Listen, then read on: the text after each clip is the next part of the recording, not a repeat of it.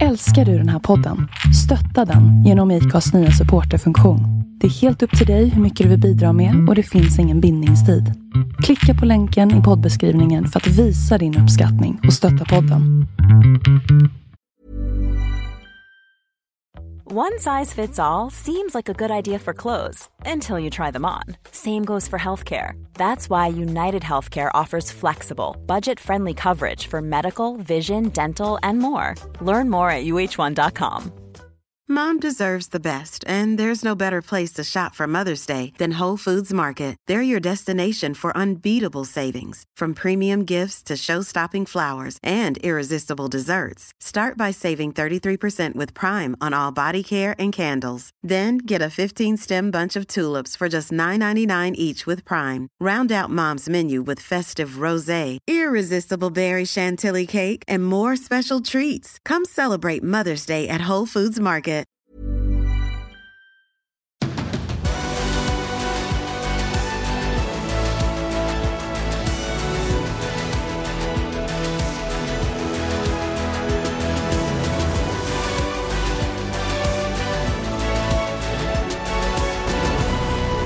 Hej och varmt välkommen till eh, MotoGP-podden. Det är dags för eh, nummer 139 i ordningen med mig Tobias Lajon och med Andreas Mårtensson.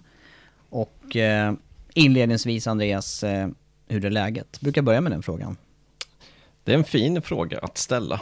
Visst är det det? Ja, Det kan variera ju, läget. det kan det absolut göra. Jag tycker att det är ganska bra. Det var en ganska tuff jobbhelg. Tidiga månader för våran del, i och med att vi var hemma i Sverige, kommenterade Indonesien. Men nu är det onsdag eftermiddag, så nu börjar man eh, komma tillbaka till verkligheten. Ja, jag håller med dig. Det var intensiv helg. Jag hade dessutom eh, dagjobb och jag vet att du hade dag och kvällsjobb. Så att, eh, precis som du säger, det tar ett par dagar att samla sig efter en, eh, en prathelg som den var. Och då fick vi dessutom en timmes fördröjning på starten. Den där timmen är ju inte, den är inte idealisk när man har startat vid tre, fyra eller två på morgnarna. Nej, en timme och en kvart blev det, men sen kom det igång i alla fall racet. Ja. Det var kul. Det var kul. Det var jätteroligt. Nej, det känns bra. Så vi laddar på lite med, med ämnen här för dagen och eh, händelserik helg och eh, inte minst då kring eh, Mark Marquez krasch. Eh, och sen har vi också plus och minus. Eh, sen får vi nog prata eventet som helhet och eh, även titta lite grann på de senaste nyheterna gällande reglementet. Och eh, sen ska vi inte glömma bort heller nummer 39. Eh, Men vi tänker spara lite grann på nummer 39 och, och börja med det stora. Med, med Mark Marquez som kraschade under uppvärmningen med någon minut eller dryg minut kvar av uppvärmningen. Och eh, en av de största krascherna som, som dels jag har sett men som också han har varit med om. Vad säger du själv där när du såg eh, bilderna? Spektakulära bilder. Ja, Jag tror aldrig jag har sett en sån highsider faktiskt på... nej, jag vet inte om jag någonsin har sett en sån faktiskt. Nej, vad, vad är det som får den att sticka ut då? Vad är det, vad är Att det går som så vansinnigt fort. Det är det som får det att sticka ut. Och att det är på avslag. Ja, Eh, som gör att han, han har ingen chans, elektroniken har ingen chans och han har ingen chans att reda ut det där. Utan när det väl släpper så släpper det. Mm. Och jag tänker på en sak eh, som du sa ganska omgående efter kraschen att det här ser illa ut med tanke på de tidigare skador han har haft eh, och då minst, inte minst det som har varit under vintern här med hans eh, syn och det har också blivit bekräftat här ju de senaste dagarna, eller det blev bekräftat när han eh, kom hem igen till Spanien. Det var ju någon spåkvinna på plats där i Indonesien. kanske skulle ta över det jobbet. Och så vi såg där i depågatan in, i regnet. Ja, där. precis. Hon skulle hålla undan regnet och det gick sådär. ja faktiskt. kan man säga. Ja. Nej men eh, när vi såg kraschen eh, så sa jag ganska omgående att det där kan vara career ending, alltså slut på karriären. Vi hoppades att så inte skulle vara fallet, vi vet ju än så länge inte. Eh, men när, när man såg hur han slog i huvudet på höger sida i landningen, han landade först på fötterna, höften och sen slog han i huvudet. Eh, och sen så såg man på honom att han var ju helt, han, han var ju avsvimmad när han snurrade omkring där. Åtminstone väldigt, väldigt om, omtöcknad. För i de farterna så har man inte riktigt kontroll på kroppen. Men jag tyckte det såg ut som att han var faktiskt medvetslös en, en kort, kort stund. Innan han kunde resa sig och, ja, halta iväg därifrån egentligen. Och där såg han ju också väldigt, väldigt omtöcknad ut. Mm. Och Eh. att, han, att, han skulle, att han inte skulle komma till startracet, det, det tyckte jag Det sa vi ju till varandra redan eh, en sekund efter att det hade hänt att så kommer inte bli fallet. Nej. Och så blev det ju också. De har ju tajtat till det där eh, protokollet mot hjärnskakningar. Eh, så, och, och låta honom starta racet hade ju varit eh, väldigt, väldigt, hade sett framförallt väldigt dåligt ut, men också varit en stor fara för, för både han själv och alla andra. Mm. Eh, och så händer det då på en bana där också, där vi har sett hela helgen, egentligen hela racehelgen så var det ett annorlunda uppträdande från motorcyklarna, greppnivå och så vidare, eller hur? Ja, jag, jag har en, ehm, efter racet, eh, inför hela racehelgen så, så får man ändå anpassa sig, man får gilla läget på något sätt. Att nu har de gjort den här förändringen med däcken då och, och asfalten är som den är. Men så här efteråt och när man nu har, det var till och med innan vi hade facit på hur det hade gått för Marcus nu. För han har ju slagit upp då, det sa vi inte här i det här, men när han kom hem från Spanien, eller på flygresan hem till Spanien i, i måndags morse, så började han känna sig både yr och eh, det här dubbelseende problemet kom tillbaka. Så det var ilfart först till Barcelonas sjukhus, eh, göra en undersökning där de då kunde konstatera att eh, det var problem med just den här sy- fjärde synnerven igen och sen så vidare till Madrids sjukhus till hans specialist där han, eh, där han då har eh, varit under hela vintern egentligen. Eh, och där konstaterades inga andra skador på hjärnan. De gjorde en sån här MR, magnetröntgenundersökning. Eh, utan det är den här fjärde synnerven som är problemet. Inte lika illa säger de som det var i november. I november innebar det ja, lite mer än två månader innan han kunde komma tillbaka. Eh, vad det innebär den här gången kan vi ju komma till lite senare kanske, men, men eh, inte lika illa åtminstone. Eh, det är väl något positivt Ja. med det.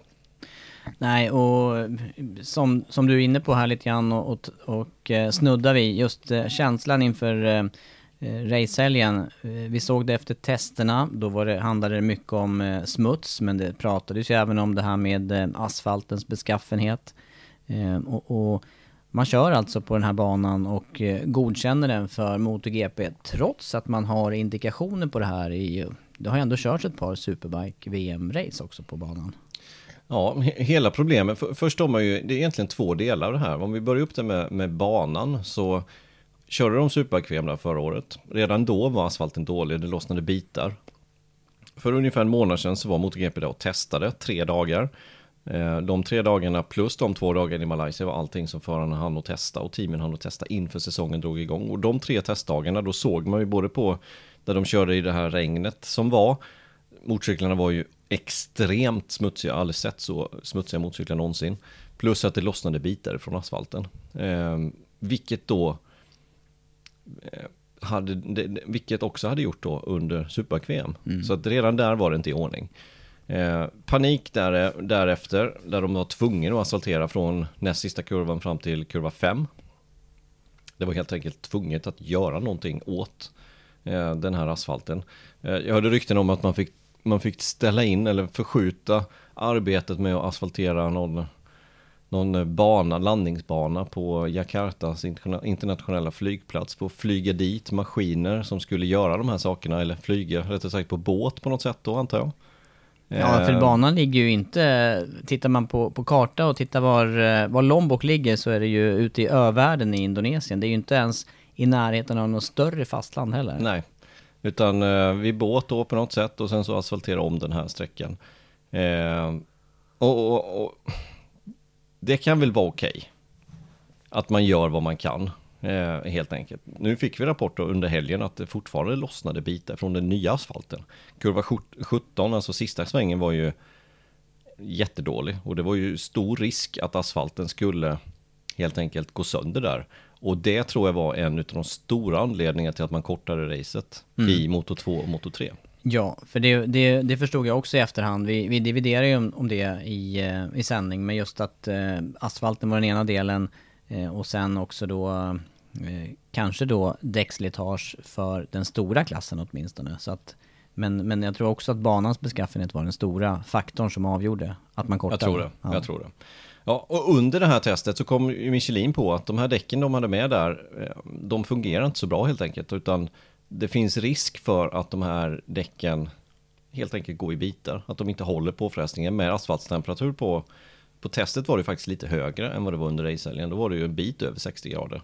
vi kommer väl inte riktigt upp i 60 grader den här helgen. Nej, jag tror att det hamnar någonstans runt 45-50 som, Ja. som högst. Och det var ju lite, det var inte den här klara solskenet utan det var lite disigt och det var de här också eh, blöta eller morgonskurarna så att eh, man inledde ju, eller banan var ju blöt inledningsvis på dagarna. Ja, ja men exakt. Och det räddade nog det lite grann då. Men, men då fick Michelin panik där och kom fram till att de ska använda ett annat däck. Istället för de däcken som användes då under testet så ska vi gå på ett annat. Nu är det framförallt bakdäck vi pratar här då, inte framdäck utan bakdäck.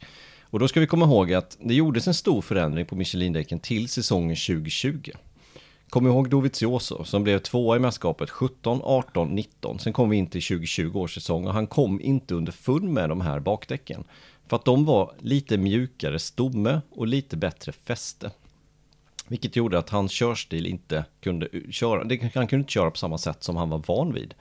Vi har också sett Hondan. Nu var Marcus, Mark Marquez skadad där under hela 2020 så vi fick inte se så mycket då. Va? Men, men det här bakdäcket är ju en av anledningarna till att Hondan ser ut som den gör i år. Helt ny för att kunna utnyttja det här mjukare bakdäcket och mer fäste som det innebär. Precis, och så att man, som, som du säger här så har ju alltså tillverkarna fått eh, anpassa sin motorcykel efter däcken. Ja, exakt så. Och då, ja, och då förstår vi ju själva vilken stor förändring det här blir till Indonesien och till MotoGP-racehelgen som vi nyss haft här. Ja, för, för det de eh, fick för sig nu, Michelin, var att vi kan inte ha en tävling där vi riskerar att däcken går sönder. Och det är helt rätt. För Michelin är ju med i MotoGP för att ha, få, få bra publicitet. Annars finns det ju ingen mening att de är att de, att, de är ensam på marknaden i MotoGP. Alltså att de är, eh, vad kallar man det, enhetsdäck. Med alla resurser och alla pengar det kostar att vara enhetsdäck i en MotoGP-klass. Det är ju extrema mängder pengar såklart.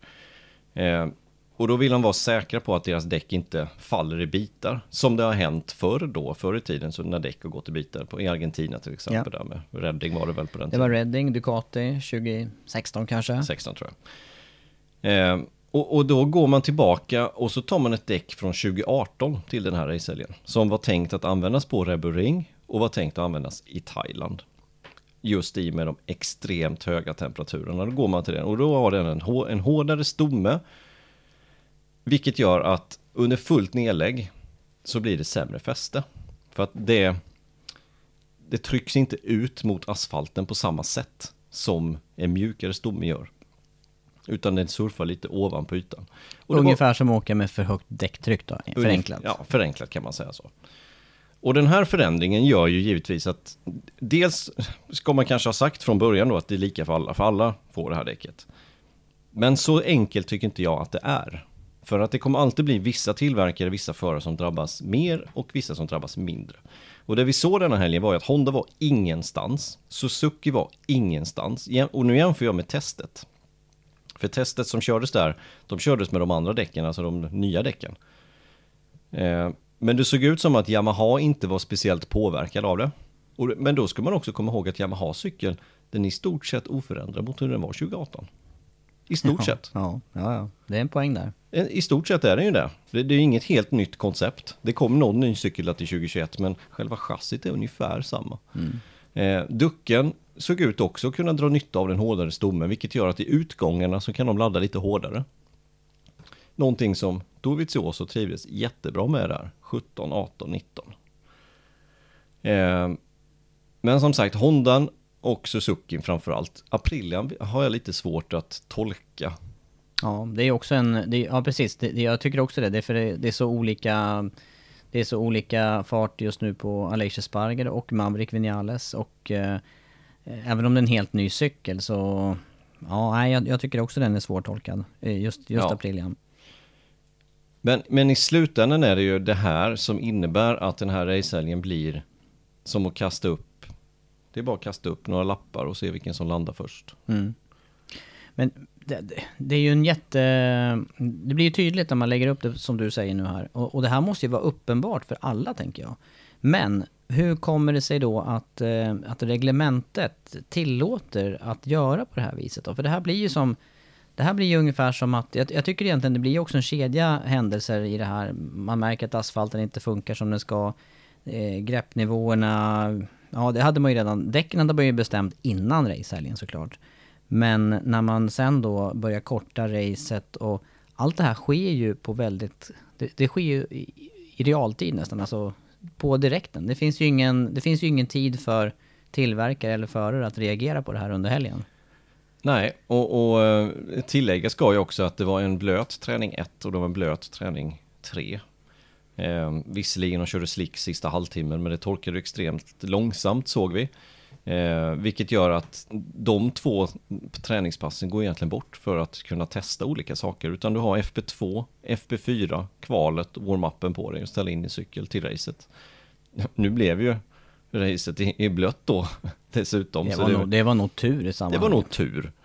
Kan vi komma till lite senare. Men, men det är många kedjor här som gör att det inte blir så bra helt enkelt. Det blir, jag skulle säga att det blir katastrof alltihopa. För så här får det inte riktigt gå till. Vi har sett väldigt lite kritik ifrån förare och team. Men de är också lagda med munkavel från Dorna när det gäller att kritisera däcken. Det får man inte göra. Återigen, de är enhetsdäck. De är där för att få god publicitet. Och i syvende och sist kanske det inte är Michelins fel egentligen. Jag tycker att det var en, en, stor förändring att gå till det här däcket, men de gjorde det på säkerhetsmässiga grunder. Det som saknades är ju att de inte varit och testat. Mm. Det är det som är problemet. Att det här eventet har pushats alldeles för hårt. 273 miljoner invånare i Indonesien. Det är en viktig marknad, de skulle dit och köra, men det var alldeles för hetsigt att ta sig dit. Mm. Ja, det hade ju till exempel räckt att lägga det här senare på kalendern. Visst. I år? Ja. Fortfarande i år? Då hade Michelin kunnat jobba fram ett däck med den nya stommen, varit på, in, i, varit på den här banan och testat med testförare till exempel i MotoGP. De hade kunnat köra där en vecka om det hade varit så. Och testat så att de här däcken håller. Istället så gör man på ett helt annorlunda sätt. Man ska pusha igenom det här. Och till syvende och sist så kan det här kosta den största stjärnan de senaste tio årens karriär. Mm. Ja, det, det är där det riktigt eh, hemska blir. För att som vi såg Marcus köra den här helgen så kör ju han, han kör ju precis som vanligt, han kör på gränsen. Men, men mycket svårare att kontrollera cykeln hade han ju överhuvudtaget. Han gjorde ju ja, ja. dessutom tre andra krascher och vi såg ju den här Hondan nästan som delad på mitten. Särskilt de här långsamma svängarna men sen alla tillfällen där han då går in i sväng med framhjulsläpp och så kommer baken och sen är det bara lite så här vänta på att den ska stabilisera sig. Det händer ju varv på varv och kurva på kurva. Han kör ju på det sättet. Han kör ju på gränsen och det kan, man, det kan vi ju prata om också, kommer vi till säkert då. Vilket ansvar han själv har absolut i detta. Han gjorde alltså tre krascher innan den här highsiden. Men om vi bara går till, om vi, om vi bara pratar om den här highsiden som han gjorde, så kommer den alltså på warm-upen. Den kommer med ett, ett han hade precis varit inne i depån. Han hade kört två flygande varv. Utvarv, två flygande varv i hyfsat tempo. Och detta var alltså på hans tredje flygande varv. Med ett nytt hårt framdäck och ett nytt, det hade gått ett varv, bakdäcket. Ett mjukt bakdäck dessutom. Och den här kraschen kommer alltså på helt stängd trottel. In i, in i kurva 7. Eh, en high och, och med tanke på att det kommer på helt avslag så finns det ingen elektronik som kan rädda honom här utan han går för snabbt in i svängen helt enkelt med fullt avslag, kanske lite för mycket motorbroms på och den ställer ut och han har inte en chans att klara det. Och så dåligt fäste får det inte vara. Det får inte, vara. Det får inte se ut på det sättet. För, för att man åker omkull och gör en, en sån highsider på avslag, det, det ska inte få ske. Nej, och det var ju också så att vi, vi såg ju inte, det var inte bara för Mark Marquez de här eh, tendenserna fanns, utan det fanns ju hos många förare. Vi såg ju ett antal avåkningar också som, jag menar MotoGP-förare som är den, den högsta nivån på racingförare, måste vi ju säga. Det, det ser man ju, får man ju facit på i många tillfällen när det, när det kommer in förare i klassen eller när MotoGP-förare gör något inhopp någon annanstans. Men, men eh, vi hade ju väldigt många upprätta avåkningar också, eller missbedömningar i just de här spårvalen. Och den här kurvan du pratar om var ju också väldigt, eh, det är en väldigt öppen, eh, öppen sväng som, som man tar på det sättet. Man slår av ja. och går in ja. och sen matar på. Ja. Ja, nej det är, oh, oh, oh. det är jätte, jättest, vad heter, stora, allvarliga följder utav den här helgen ja, får man det, säga. Det är grymt allvarliga händelser givetvis och grymma följder som, som blir av det här. Eh, och, och, jag tycker inte att det, dels sportsligt så är det inte rätt. Det, det är inte rätt att det ska gå till på det här. sättet. Eh, sen kan man hävda att ja, men det är lika för alla och alla får anpassa sig och det var säkerhetsmässiga grunder som vi tog det här däcket. Vilket givetvis både Michelin och Dorna kommer hävda att det var på, på, på säkerhetsmässiga grunder och det har de ju rätt i. Men problemet från början är att det här eventet har pushats alldeles för hårt och i, i för tajt tidsschema. Med tanke på hur asfalten såg ut och med tanke på de temperaturerna. Och att temperaturerna är höga i Indonesien i, i mars, det kan inte vara en det kan inte vara en nyhet för någon. In, inte för Michelin heller. Nej, och, och det här med asfalt i sig, det, det kan jag ju bara dra paralleller till de gånger man själv har kört på allt för nylagd asfalt. Den har inte riktigt satt sig i... Det, det måste ligga ett tag innan, det, innan den ger eh, rätt feedback. Eh, det, är, det är ju väldigt sällan som en helt nylagd bana är det bästa att köra på. Här ja. gör man ju det, här gör man som du säger en stress omasfaltering på en del av varvet som ju, ja, det, det, blir, den delen blir ju inte heller bra. Nej, nej, alltså skulle man gjort det här rätt så efter, redan efter Superbike-VM där i höstas, november, så skulle man helt enkelt asfalterat om hela banan. För redan då måste man insätta, om man då inte gjorde det, så måste man ha sett det på testet, vilket man då såg. Då skulle man bara dra till handbromsen och säga vi måste asfaltera om hela den här banan. Och när ni har gjort det, då kommer vi hit med testförarna och Michelin och testa banan och sen kör vi ett race här till hösten. Så borde det ha gått till. Och då hade det säkert också blivit ett annat utfall på den här helgen. Definitivt, definitivt. För, för det kan vi ju annars vara eniga om, just, eh, just Eh, banlayout, eh, säkerhetsmässigt med avåkningszoner och så vidare, så ser det ju jättebra ut. Alla var ju supernöjda. Bansträckningen, precis som du säger. Ehm, alla tyckte att det var en lång resa dit till Indonesien, men alla som var där var ju väldigt nöjda med sen hur det såg ut där och, och stannade några extra dagar.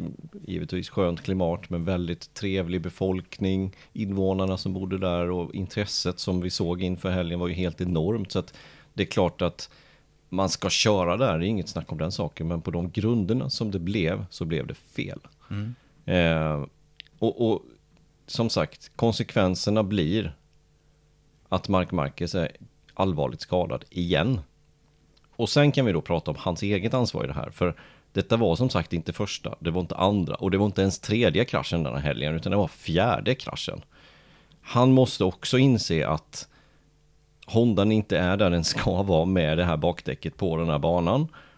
På vår mappen borde han rimligtvis ha förstått att det är stor risk för regn då behöver man heller inte ladda så hårt som man gjorde. Men han är sexfaldig MotoGP-mästare av en anledning. Och det är att han, han tar ut det sista jämt. Eh, och den här gången så blev det inte bra. Nej. Nej, jättetråkigt. Jättetråkigt och allvarliga följder. Och då blir det ju också den här eh, följdfrågan kring hur man eh, resonerar med, eh, med risker för förare. För att alla de här variablerna som förändras här inför helgen och som ännu inte riktigt är klara. De ökar ju på en redan riskabel... Det ökar ju på riskerna i en redan riskfylld sport, så kan man ju säga. För det, ju, det kan ju inte heller vara en, en överraskning för Dorna till exempel att förarna oavsett klass och, och oavsett eh, nivå de, de, flesta kör ju så mycket det går hela tiden och då, är det ju, ja. då minskar de här marginalerna mellan grepp och krasch Eh, så är det ju självklart så att det kommer att ske olyckor. Och framförallt när man har referens ifrån ett test bara några veckor innan. Det är klart att det är inte optimalt. Då hade de ju skulle, i, en, I en bättre värld så hade de ju introducerat det däcket från början då. Innan det I testet test, till Ja, till det testet. Att sagt under den här racen kommer vi köra med det här däcket. Inte precis innan testet, eller innan racet. Eh, nej, det är det är inte bra helt enkelt, varken sportsligt eller säkerhetsmässigt eller någonting. Även fast det skulle vara en, en, en förbättring på säkerheten så blev det pannkaka av det hela. Mm. Ja, vi, eh, vi, jag, vi kanske ska stänga just det här samtalsämnet. Eh, och vi måste ju fortsätta såklart med, med racehelgen, men, men eh, ska vi fylla på med någonting nu eller ska vi ta oss vidare till, ja, men just, till minussidan? Marcus där. Um ja, vad, vad händer nu helt enkelt? Det här är alltså andra gången på fyra, fem månader som man drabbas av dubbelseende. Jag tänker spontant att det är ju stor risk att han, och det är ju risk för sporten då, att han överväger att, att lägga ner sin, ja. sin körning. För jag menar, om det här sker två gånger på kort tid, det är en sak om det är tio år emellan eh, fallen som det var första och från första till andra gången. Nu blir det en tredje gång. Visst? Ja, vi pratar inte om en stukning i foten här, utan vi pratar ju om en dubbelseende helt enkelt. Det vill säga man kan inte göra någonting överhuvudtaget. Eh, så jag tror att det är... Eh, man ska inte måla hmm på väggen. Men den här gången, jag tror att det, jag tror att det är färdigt faktiskt. Eh, jag skulle säga 75% chans att han kommer lägga ner.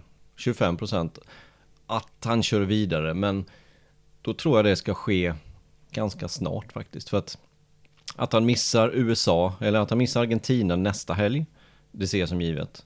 Att han då också missar USA veckan efter ser jag också som givet. Då är det en månad kvar till Portimao. Um, då kommer man komma dit, om man nu är okej dit, så kommer man komma dit med fyra eller tre raka nollor. Eh, då är i stort sett mästerskapet redan över för hans del. Och det måste vara ett av de stora incitamenten för att fortsätta tävla. Exakt. Ta fler titlar. Och, och, frågan är då om man inte är okej till Portimao och Jerez där som ligger veckan efter varandra där i slutet på april och början på maj. Kommer man inte tillbaka dit, då tror jag inte vi får se honom fler, fler gånger. Utan jag tror att chansen att få se honom igen det är det är att detta är inte alls allvarligt och att han redan idag känner sig bättre i princip och att läkarundersökningen då som man ska göra nästa vecka visar på positiva redan nu och att de kan se liksom en vad ska man säga, ljuset i tunneln på det här. Mm. Men ju mer det, ju längre det här drar ut desto troligare blir det att han kommer att avsluta karriären. Tror jag. Ja, det låter inte helt orimligt. Jag hade ju som, som eh, utomstående betraktare så, så hade ju han haft tillfällen att avsluta sin karriär redan under den här långa axelrehabiliteringsperiod eh, och armskada. Alltså det är ju, han har ju haft en rehabiliteringsperiod nu på två, tre år, fyra år kanske till och med om man tar med hans axelskador och, och armskador och sen lägga på det med, med eh, synen nu så ja, det låter inte helt orimligt det du säger. Nej, det är ju spekulationer givetvis, men det är ju därför vi håller på med den här podden. Ja. Spekulerar. Ja.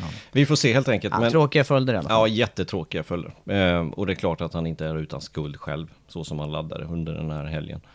Eh, men Någonting att se över för framtiden också för ja, arrangörer. Så här får det inte se ut. Nej. Så här får det verkligen inte se ut i framtiden.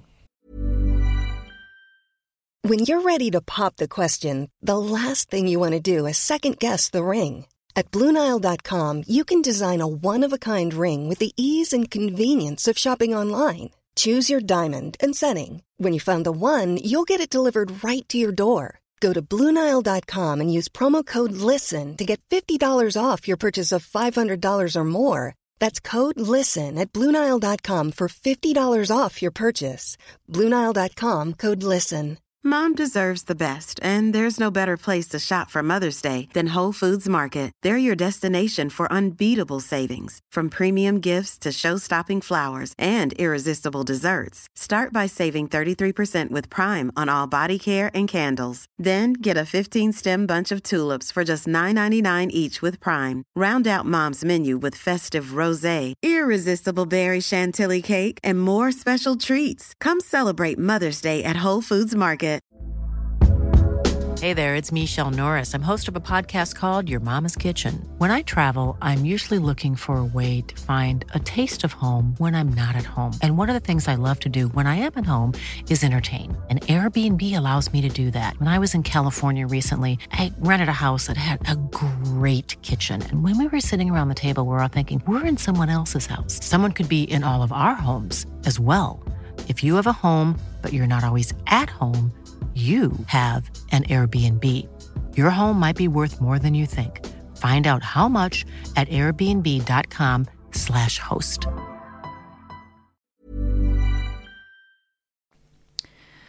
Nej, finns det några plus att ta med då för helgen? För att eh, lätta lite på stämningarna. För ja, men det är lätt att, det är lätt att eh, hamna i en negativ spiral. Jag tycker det, ja men det blir, det, jag vill gärna ha Mark Marquez på startlinjen. Jag tror att hela, både, jag tror mästerskapet, jag tror eh, egentligen alla vill ha honom på linjen för att man, man det, det är den bästa, den sen, det senaste decenniet eh, att mäta sig mot. Så, nej det är ju, det, mm, allvarligt. Ja, men det finns positiva saker. Ska vi ta lite plus och minus? Ja, jag tycker det. Jag ja. tänker vända det här. Ja, okej. Okay. Säg ett plus då. Ett plus, eh, det stora, den stora utropstecken tycker jag var eh, Quartararos reaktion när han kom in i Parc Fermé. Och eh, jag kände själv att vad roligt att han kör förbi. Han laddar om Ducati-förare. Han eh, tar ikapp och är liksom på jakt här. Och det är på regn som han har varit helt eh, offside på tidigare. Mm. Ja, Det är plus för mig. hur förklarar vi det då?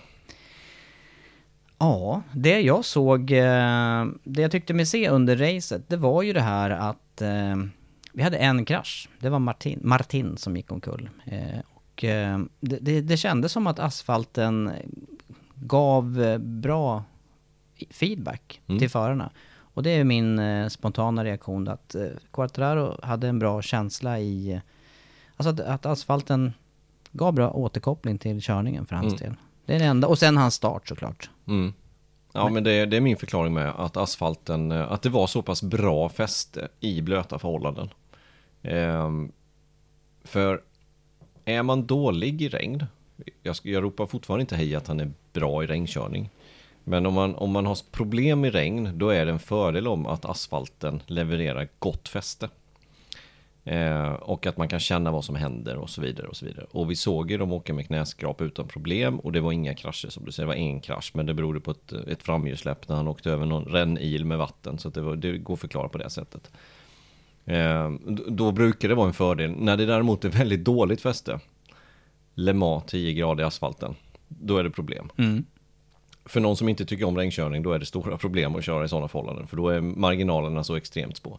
Eh, Så det tror jag är en, eh, den största förklaringen till att han lyckades med det- här bra resultatet. Men ett oerhört stort plus. Men det var ju även, och vi ska ju tillägga det, om man, om man ska plussa på eh, det positiva kring Quartararo så var det ju även ett väldigt lyckat kval. Det var en lyckad igångsättning av racet och han, han fightades hårt också. Fick faktiskt lite kritik för väl hård körning där. Mot Miller till exempel. De tyckte att han stängde Miller, honom. Miller var inte så nöjd. där. Nej. Kommer inte ihåg det riktigt. Jag för mig att det här var någon passage, eh, kurva 1-2 där, mellan kurva Just 1 det. och 2, att han på något vis stängde framför Miller, la sig över och ja, jag vet inte exakt hur det gick till heller. Jag kan inte, jag kan inte dra mig tillbaka. Min, jag tycker inte det var så minnes. allvarligt i vilket fall som helst. Som, sen vet jag inte om, om det var Miller som sa det lite ironiskt eller lite... Jag tror inte han var så allvarlig faktiskt, Miller, i sin kritik. Nej, Men Quattararo viftade ju bort det där. ja. Nej men plus för Quartararo och eh, också roligt att, att se att, att han eh, hävdar sig i regn. Eh, kan ju ge en, en boost för självförtroendet vidare här för säsongen. Och också komplettera honom som förare i, eh, i vad heter det? eller göra honom mer fullkomlig. Trots, Ja, trots titeln förra året. Nej, men alltså, det visar ju att, han, eh, att det fungerar på en sån här bana. Eh, nu ska vi komma ihåg, han startade i pole position. Han, eh, ja men just det med däcken som vi har pratat om här. Eh, spelar ingen roll för honom egentligen, känns det som. Han körde lika snabbt på testet som, som på kvalet. Och inga direkta svårigheter heller. Nej, det, såg, nej. det såg ganska stabilt ut. Det gjorde. Liksom det gjorde för Ducati-förarna på torrt. Ja, Men, eh, men eh, har vi ytterligare på plussidan? Är det någonting ytterligare du tänker på där? Förutom Quartararo, han kom ju tvåa. Han kom ju tvåa ja. Eh, och den som vann var ju Oliveira, Miguel Oliveira vann ju. Men jag, vi kan ju lyfta honom givetvis, men jag tycker vi lyfter honom och Brad Binder i detta. Så vi tar KTM istället. Mm. För um, två race körda, Binder blev tvåa i premiären. Eh, Oliveira vann nu senast. Vilken start på säsongen de har gjort. Jämfört med hur det gick i slutet av förra året. Och helt, jag, jag trodde KTM var Borträknad? ja, nästan på efter att ha sett både testet och avslutningen förra året. Men de har verkligen lyft sig till den här eh, starten på säsongen alltså. Och visst är det så nu att de leder både konstruktörs Ja, det är- och teammästerskap? Jag, jag såg inte resultatlistorna. Jag, jag, att det är så. jag blundar när du läser upp dem där i slutet av sändningen för då är jag färdig. Men Då- eh, jag räknade ju ut det där redan Att du, tidigt. att du lyckas det så. toppa, att du lyckas pricka din energinivå så precis till Ja, att de har gått i mål. Det exakt. är helt otroligt. Sen det är på gång. prisutdelning och sånt där oviktigt, då checkar jag ut. då, ligger, då ligger mitt headset på bordet redan Ja. när du kör Jag läser innantill där på slutet så det är lugnt. Ja men exakt, men, eh, jag, så jag såg inte det, men jag tyckte jag sa det i Park Fermé eller något liknande, att de borde leda nu och det, så borde det ju vara. Ja. Både KTM och eh, de, ja, både team och mär- märkesmästerskapet måste de leda och de eh, kan inte ligga långt efter i, i förra VM heller, både Oliveira och eh, ja, det är ju jämnt. jag tror det är Det Bastianini som leder. Ja, det är väldigt jämnt. Det är bara ströpoäng som skiljer.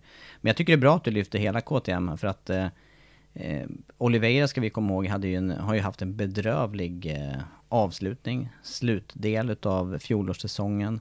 Och hade också en väldigt tung premiärhelg och, och sen då gå och vinna ett race plötsligt. Det, det säkrar ju, stärker hans aktier otroligt i, eh, i KTM, eller hos KTM. Ja, verkligen. Och sen Binder då som eh, faktiskt hade problem under racet, någonting som inte jag uppmärksammade men som, som det har skrivits om efteråt här med att hans, eh, den här eh, front height devicen, alltså den som reglerar höjden fram, att den... Var det inte bak? Jag tror att det var hel, nej, jag tror att det var fronten som var... Jag Ja, läste jag kan- bak. Jag kanske, vi kanske har läst olika.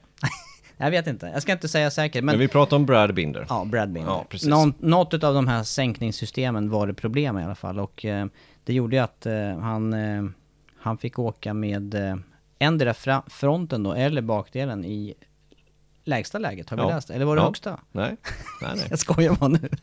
Om vi har läst olika. Den var sänkt. Ja, sänkt. Men jag, jag, jag har för mig att det var bak, men du har läst fram. Du, du har bättre läsförståelse än vad jag har. Nej, det är inte- det är inte alls säkert. att Du har rätt. Jag ska kolla med min optiker om det är så att jag har Okej. rätt slipning på Ska glasen. jag, ska jag hålla en liten monolog här medan du googlar upp vad som var jag, rätt jag och fel måste här? kolla det här. det här. Det här är inte vanligt att jag, att jag googlar. Nej, men, men, men tar du den googlingen där så... Så, ehm, Så håller du låda. Så håller jag låda och, och pratar om eh, ställningen i mästerskapet så länge. Det. att, eh, lite om det. ja, Bastianini leder 30 poäng. Han tog ju 5 poäng bara blev det med sin elfte plats den här helgen. Eh, Brad Binder som sagt blev åtta då med eh, endera bak eller fram sänkt. Det kommer vi snart få reda på. Han ligger två i mästerskapet, två poäng bakom och sen Quattararo då en poäng bakom eh, Binder. Och sen Oliveira på den andra KTM på 25 poäng. Är, ja, det är helt, helt galet tätt här alltså mellan eh, ettan och fyran skiljer det fem poäng alltså. 30 poäng, det, det kan inte vara det kan inte vara ofta det har hänt att man leder mästerskapet på 30 poäng efter två, eh, två deltävlingar. Det, så brukar det inte se ut. Nej, det vanliga är att det är någon 40 som... poäng. Ja, Jag tror- som jag tror-. Jag tror Sarko ledde förra året på 40 poäng med två andra platser. Något liknande. Du, varför sätter du mig på googling när jag är... Nej, det hade varit bättre att du höll monolog. ja, exakt. Nej, ja det här kommer jag behöva... Det här kommer jag bli helt splittrad om jag ska hålla på med samtidigt. Så att det här kommer jag släppa nu. Någon slags eh, sänkning skedde det. Men i vilket fall, bra att du väljer KTM där. För att eh, det, det som jag hade med mig i skallen här inför säsongen, det var att det såg väldigt mörkt ut för KTM. Eh, tittar man på testtider och tittar man på den här avslutningen på säsongen så kände jag att, nej, var, var är de på väg? De, de kan inte ta det här sista steget till toppen. Nej, exakt. Men det har de ju gjort. Ja. Jag drar det tredje pluset så länge. Nej, men jag kan säga hur det var. Nej, hur snabb är du? Having the rear ride height device issues in the dry would have been a disaster. Så då är det rear. Mm. Ja, då har jag ju varit helt felslipad idag. Har de ens en front high? där? De har väl ett starter misstänker jag. Ja. Ja, nej men det var, det var bak helt enkelt. Sänkningsanordningen bak, eh, då blir den som en shopper. Jag förstår inte hur han sen får in cykeln i svängarna. Det är ju För ännu den, värre den måste ju styra, ja det måste ju styra katastrofdåligt. Eh, och då blir åtta med det här problemet. För vi, vi var ju lite, jag var lite kritisk mot Binder under racet och tyckte att, ja men fan sen Oliveira går och vinner det här racet helt överlägset och Binder är ingenstans. Han slogs med sin, eh, med sin bror liksom. Som gör sitt andra MotoGP-race här om, om åttonde plats och ja, nu blev han åtta till slut där, Brad Binder. Men eh, det förstår man ju att det är ju en succé givetvis med, med de problemen. Ja, verkligen. Nej, det är, det är i alla fall två plus här. Quattararo och eh, KTM. Hittar du någon annan plus? Någon annan förare eller något annat märke som du vill lyfta? Ehm. Jag har glömt, vad kom vi fram till? Vad skulle vi ha med på plus? Darren Binder. Ja, givetvis, men jag, var jag har ju redan pratat om Binder här, tänkte jag. Men, men, eh, ja, men du tänker att du re, re, redigerar lite? här? Ja, nej men jag... det här kan jag, du gott redigera bort tycker jag. jag, missade bort det. Nej, men men, jag så Darren här. Binder såklart. Självklart. brorsa till, eh, yngre bror till eh, Brad Binder och Darren Binder, han, han var ju inblandad i en fight. Jag undrar om inte den här, det här problemet med Brad Binders KTM, att det också höll på att göra att de hamnade i spenaten båda två. Darren Jo, Binder, Nej, inte riktigt, men, men, men lyssna på det här bara. Darren Binder, som han har ju fått kritik, kanske mest ifrån brittisk media. Det är kanske den median vi följer mest förutom eh, Ja, vad ska man säga? Nej men det är väl den median som både du och jag läser mest. För jag har lite problem med både spanskan och italienskan. Om man inte trycker på översätt på Google, då, då, kan man få fram det. Men, men han har ju fått ganska hård kritik faktiskt, Darren Binder, att han tar det här klivet direkt från Moto 3 till MotoGP. Och många som tycker att han inte riktigt förtjänar den här styrningen. Och jag tycker att både du och jag har varit ganska tysta i den här debatten. För att jag tycker inte riktigt man kan säga så som många britter har sagt att han inte riktigt förtjänt av. Det finns andra i Moto 2 som är betydligt förtjänta. Nu är det så att Darren Binder tog klivet upp och jag, jag var helt övertygad om att han kommer inte göra bort sig i MotoGP. Och den körningen som han har bjudit på i Moto 3, den har varit hård, vårdslös till viss del. Jag var, inte Men- ens, men- jag var inte ens särskilt kritisk i Portugal om man ska vara ärlig. Nej, inte, hans. inte jag heller. Jag, det har vi ju gått igenom vad det var som hände där. Det har vi ju förklarat ingående. Förra året ja, Förra Moto 3. året, ja. ja. Ehm, men jag var inte speciellt orolig att han inte skulle att han skulle bete sig på samma sätt här. För det är en helt annan sak. Han har storleken emot, hade storleken emot sig i Moto 3. Och nu går han in och jag tycker det är riktigt, riktigt kul att han helt enkelt petar in fingret i ögat på de här brittiska journalisterna och så blir han alltså 10 i racet. Med, med känning på åttonde. Ja, och, och lyssna på det här. Två deltävlingar har körts. Han ligger före, bland annat bara, jag behöver bara ta några stycken här. Han ligger före Luca Marini, Maverick Vinales, Andrea Dovizioso, Remy Gardner, Raúl Fernandez, Marco Bisecchi, Jorge Martin och Francesco Bagnaia. Som alla hade, han kommer vinna mästerskapet hur lätt som helst. Gardner Nej, ligger, snyggt. alltså Binder ligger före. Ska vi komma ihåg. Så att nu kommer det inte sluta så, det, det kan vi vara överens om. Men riktigt, riktigt bra race. Ja, jätteroligt tycker jag också. Du, eh, vi har ju också några minus eh, och eh, jag vet inte om vi kan eh, koncentrera dem till och med till, eh, till ett fabrikat, Ducati, som, som levererar, som ser ut att leverera eh, första delen av helgen när det är torrt.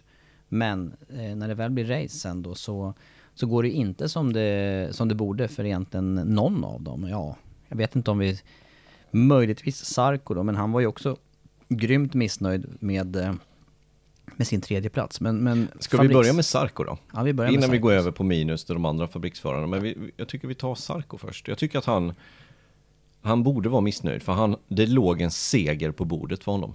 Faktiskt. Men han var lite för, han var lite för snäll var han. Och det, det brukar inte Sarko vara. Han brukar vara ganska liksom, han hugger in där det finns. Men här var han, han hade lite för mycket respekt för eh, framförallt Jack Miller när han skulle förbi där. Vilket öppnade upp för att Quattararo tog dem båda två. Och sen Nej, det, han var väl... något, eh, det var ju något skede där i racet där han väntade nästan ett varv för att komma ner igen i kurva 10 och misslyckades med den omkörningen. Han hade snudd på fixat den omkörningen varvet innan, in i kurva 11 eller 12 ja, då kanske. Ja, precis. Ja. In i kurva 12. Han skulle inte gjort det där försöket in i kurva 10 utan han skulle lagt sig bakom där och sen så skulle han enkelt tagits förbi in i kurva 12 eller 11, vilket det nu blir. Men eh, i, i den vänstern, där skulle han ha gjort. Men, men den är lite mer, den är lite mer risky. Och det sista Sarko vill givetvis, som inte har någon kontrakt till nästa år, det har inte Miller heller i och för sig, men det är ju att fälla en fabriks Ducati.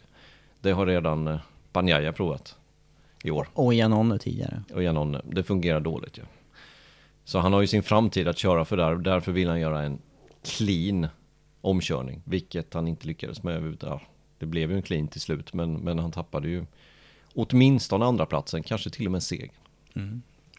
Ja men ändå en, en pallplats, men jag såg en, en, en väldigt besviken Sarko ändå. Han... eh, Ja, Han förstod det. Jag tror han förstod det. Att han hade bättre fart än så. Sa ju själv att han inte kom upp i fart tillräckligt snabbt. Utan Oliveira och Miller var betydligt snabbare i startblocken och förstod greppnivån. Och det är ju en av de svåra punkterna när det blir regn till racet. Så.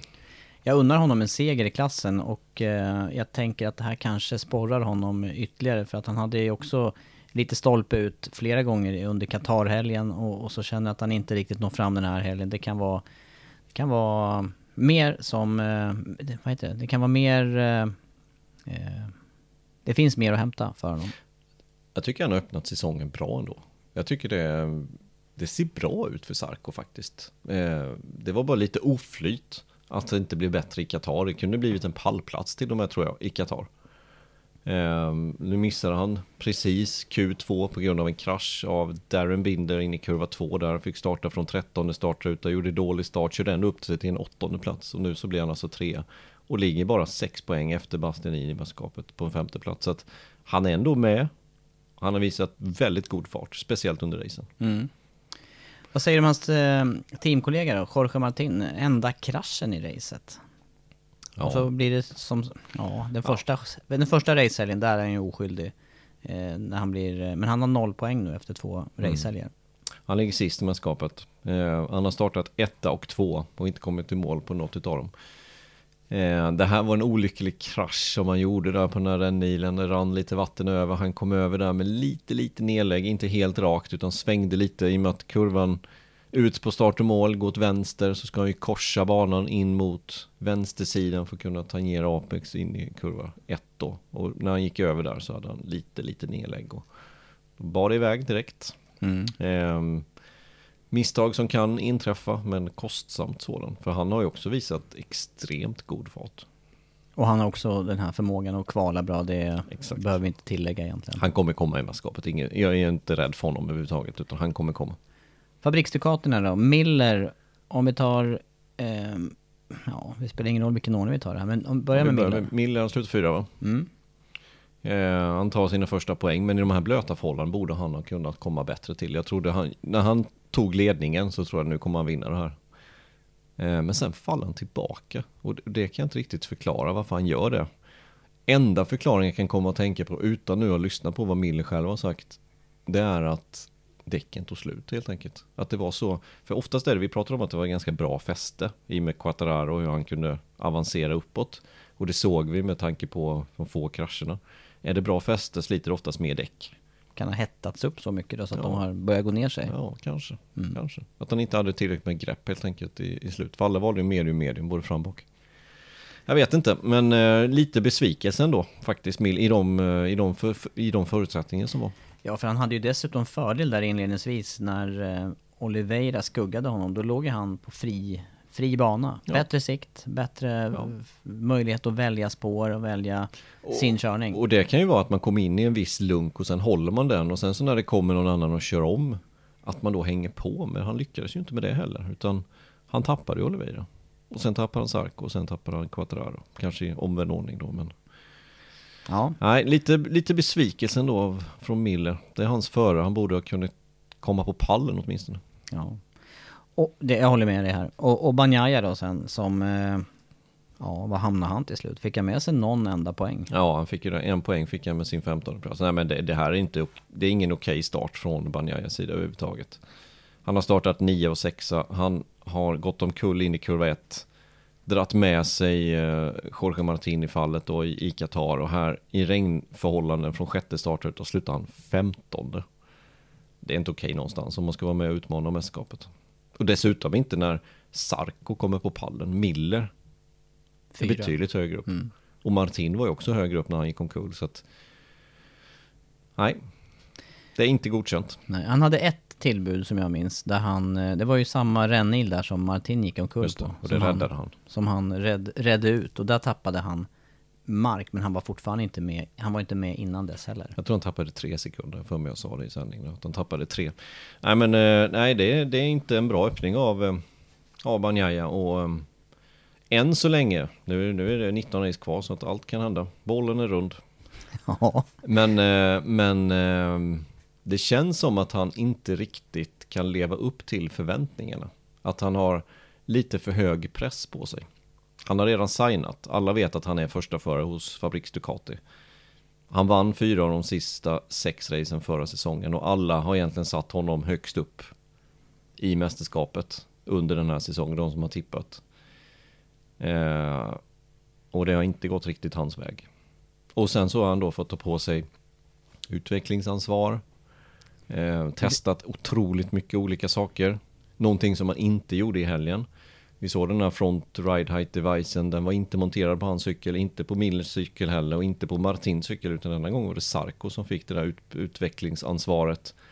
Eh, men han kan fortfarande inte leverera. Banjaje alltså. Nu är det blöta förhållanden och han, uppenbarligen trivs han inte i det. Nej, minus eh, generellt för Ducati som ändå missar många chanser här den här helgen för, för toppresultat. Mm. Ja. Och han behöver, han behöver verkligen komma tillbaka. Otroligt viktigt race för honom. De, ja, den här turnén som följer här nu med Argentina och USA. Du, eh, det här leder ju faktiskt in oss på nästa programpunkt också och eh, den, den, vi måste säga någonting om de regelförändringar som står för dörren till 2023. Och där har vi den här eh, främre sänkningsanordningen då på motorcykel. Kanske var den jag läste om tidigare. Kan vara. Men just att man eh, väljer att ta bort den då. Jag vet att eh, diskussionerna gick höga redan i Qatar. Helgen när vi var på plats. Och, det var egentligen bara Banjaya och Ducati då som, som tydligt var för den här anordningen. Och det är också för att de har kommit längst i utvecklingen. Men alla andra tillverkare emot. Och vad kan man lyfta upp för vad kan man lyfta upp för argument då egentligen för eller emot och ha en sån här anordning på motorcyklarna tycker du? Ja, det har vi ju pratat om egentligen detta. Men, men, det, ja, men det är ju svårt. Det, ska ju vara en prototypklass. Man ska ha um, utveckling, utvecklingspotential på motorcyklarna. Eh, men nu har man ju helt enkelt kommit fram till att de här front ride height device, det vill säga sänkningsanordningen när man åker rakt fram, ska förbjudas från och med nästa säsong. Eh, och jag scrollade med dokumentet och jag läste det flera gånger, scrollade upp och scrollade ner, men nej, det står front, det står ingenting annat. Det vill säga att rear ride height device, det kommer ju få leva vidare. De kommer vi nog aldrig bli av med. Du tror så till och med? Aldrig? Ja, aldrig. Nej, men- Man ska alltså aldrig. Vi, vi ser ju de här, det där Spoon som det kallades, den här som Ducati kom fram med för tre år sedan, något liknande 2019 eller vad kan det ha varit, den här som sitter på svingen under, eller framför bakdäcket. Det skulle ju vara till för att kyla däcket sa Mm. de ju. Men alla vet ju att det inte är så, utan att den är till för en aerodynamisk lösning. Och på sin höjd kyla däcket. Men nu har de kommit fram till att man behöver inte det här riktigt. Så nu har ju många tillverkare plockat bort den där. Eh, vi får Nej, väl se helt enkelt. Men, eh, men eh, man ska förbjuda sänkningsanordning fram, förutom i starten. Men prototyp eh, som du säger, då gillar jag det, det är klart att det är, då ska det ju vara fri utveckling och eh, också trigga nya idéer att man testar. Men, men om, man, om man tittar på eh, den andra delen här som eh, diskussionen eller debatten går kring, då är det ju att eh, det ökar farten på raksträckorna. Det gör att eh, motorcyklarna närmar sig nästa kurva ännu snabbare. Det är fler saker att sköta för föraren. Eh, fler saker som kan gå fel, vilket vi såg här på Brad Binder under racet. Och sammantaget här nu då, så har man åtminstone då bestämt sig för att ta bort halva den här, alltså ena halvan, den främre delen, till säsongen 2023. Ja. Verkar kanske lämpligt. Ja, Ja, vi, eh, vi eh, konstaterar att så blir fallet och så får... så blir fallet ja. Eh, och det kan man ju tycka vad man vill om. Men, men ehm, så blir det. Men bak kommer, vad jag förstår i alla fall, få leva vidare. Mm. Eh, även efter säsongen. Där är vi eniga, där vill jag samma då. Då har vi läst så. Att det var rear Just det. bak. ja, nej men så verkar det vara. Och, och ehm, det är klart att det här nu kommer ju påverka kanske Ducati då som har kommit längst i den här. Ehm, och det kan man ju tycka orättvist, men å andra sidan så är det ju många saker som andra fa- fabrikat också har fått bannat genom tiderna. Och godkänt. Vi kommer ihåg den här eh, alltså, Seamless Gearbox, alltså sömlösa växellådan till exempel. var Honda först med den. Den har ju alla nu. Ehm, någonting som de inte fick leva kvar vid, om vi tänker Honda då, det är, det är ju elektroniken Ja, egentligen. där låg den långt framme. Där låg de ju mil före alla andra. Ja. Eh, och helt plötsligt så skulle det bli Magneti Marelli enhetselektronik, vilket de tillsammans med Yamaha, men kanske framförallt Honda tappade mest på. ja, det var det. Och Ducati anammade den tekniken något år tidigare. Exakt, för att de hade redan ett pissigt system redan från början. Ingen skillnad, det var Nej, bättre. Så de gick till det här systemet istället för att få ett år tidigare utveckling på det. Så att, och, och sen så såg vi vad som hände då till 2017 när det blev det här. Ja, då levererade ju Dovizioso också och blev två i mästerskapet efter, efter Marquez då. Eh, så att det- är ju fram och tillbaka. Nu drabbas kanske Ducati då, men jag tror att det är på marginalen. Ja. ja. Tekniskt eh, reglement alltså, förändring till 2023. Vi behöver eh, gå in på sista programpunkten Andreas. Startnummer 39, vi har sparat det länge i den här eh, podden. Och Jag funderar på om vi skulle spara lite till, för jag skulle vilja ha med Johan Stigefelt i den här podden och prata också om det, men det kanske får bli på ett annat nummer då. För jag vet att eh, Louis Salom och Johan Stigefelt var nära vänner. kanske vi ska spara det då? Säger du så?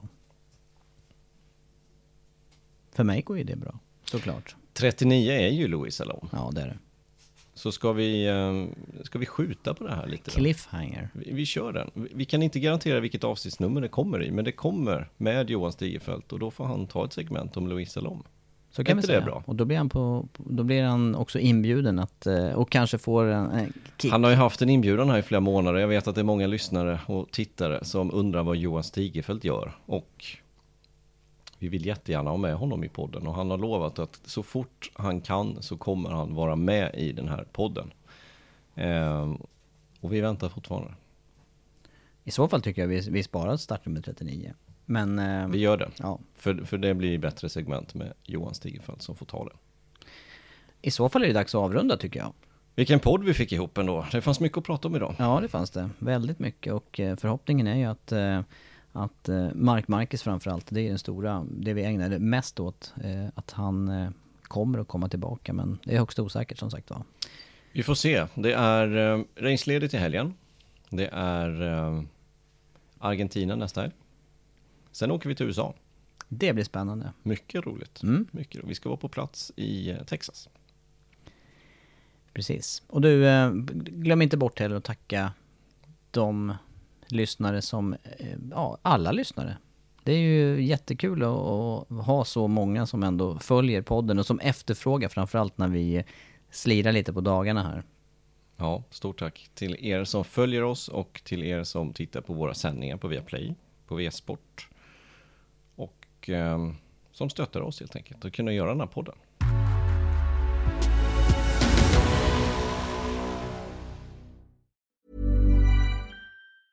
Hej, det är Paige DeSorbo från Giggly Squad. High quality fashion without the price tag. Say hello to Quince.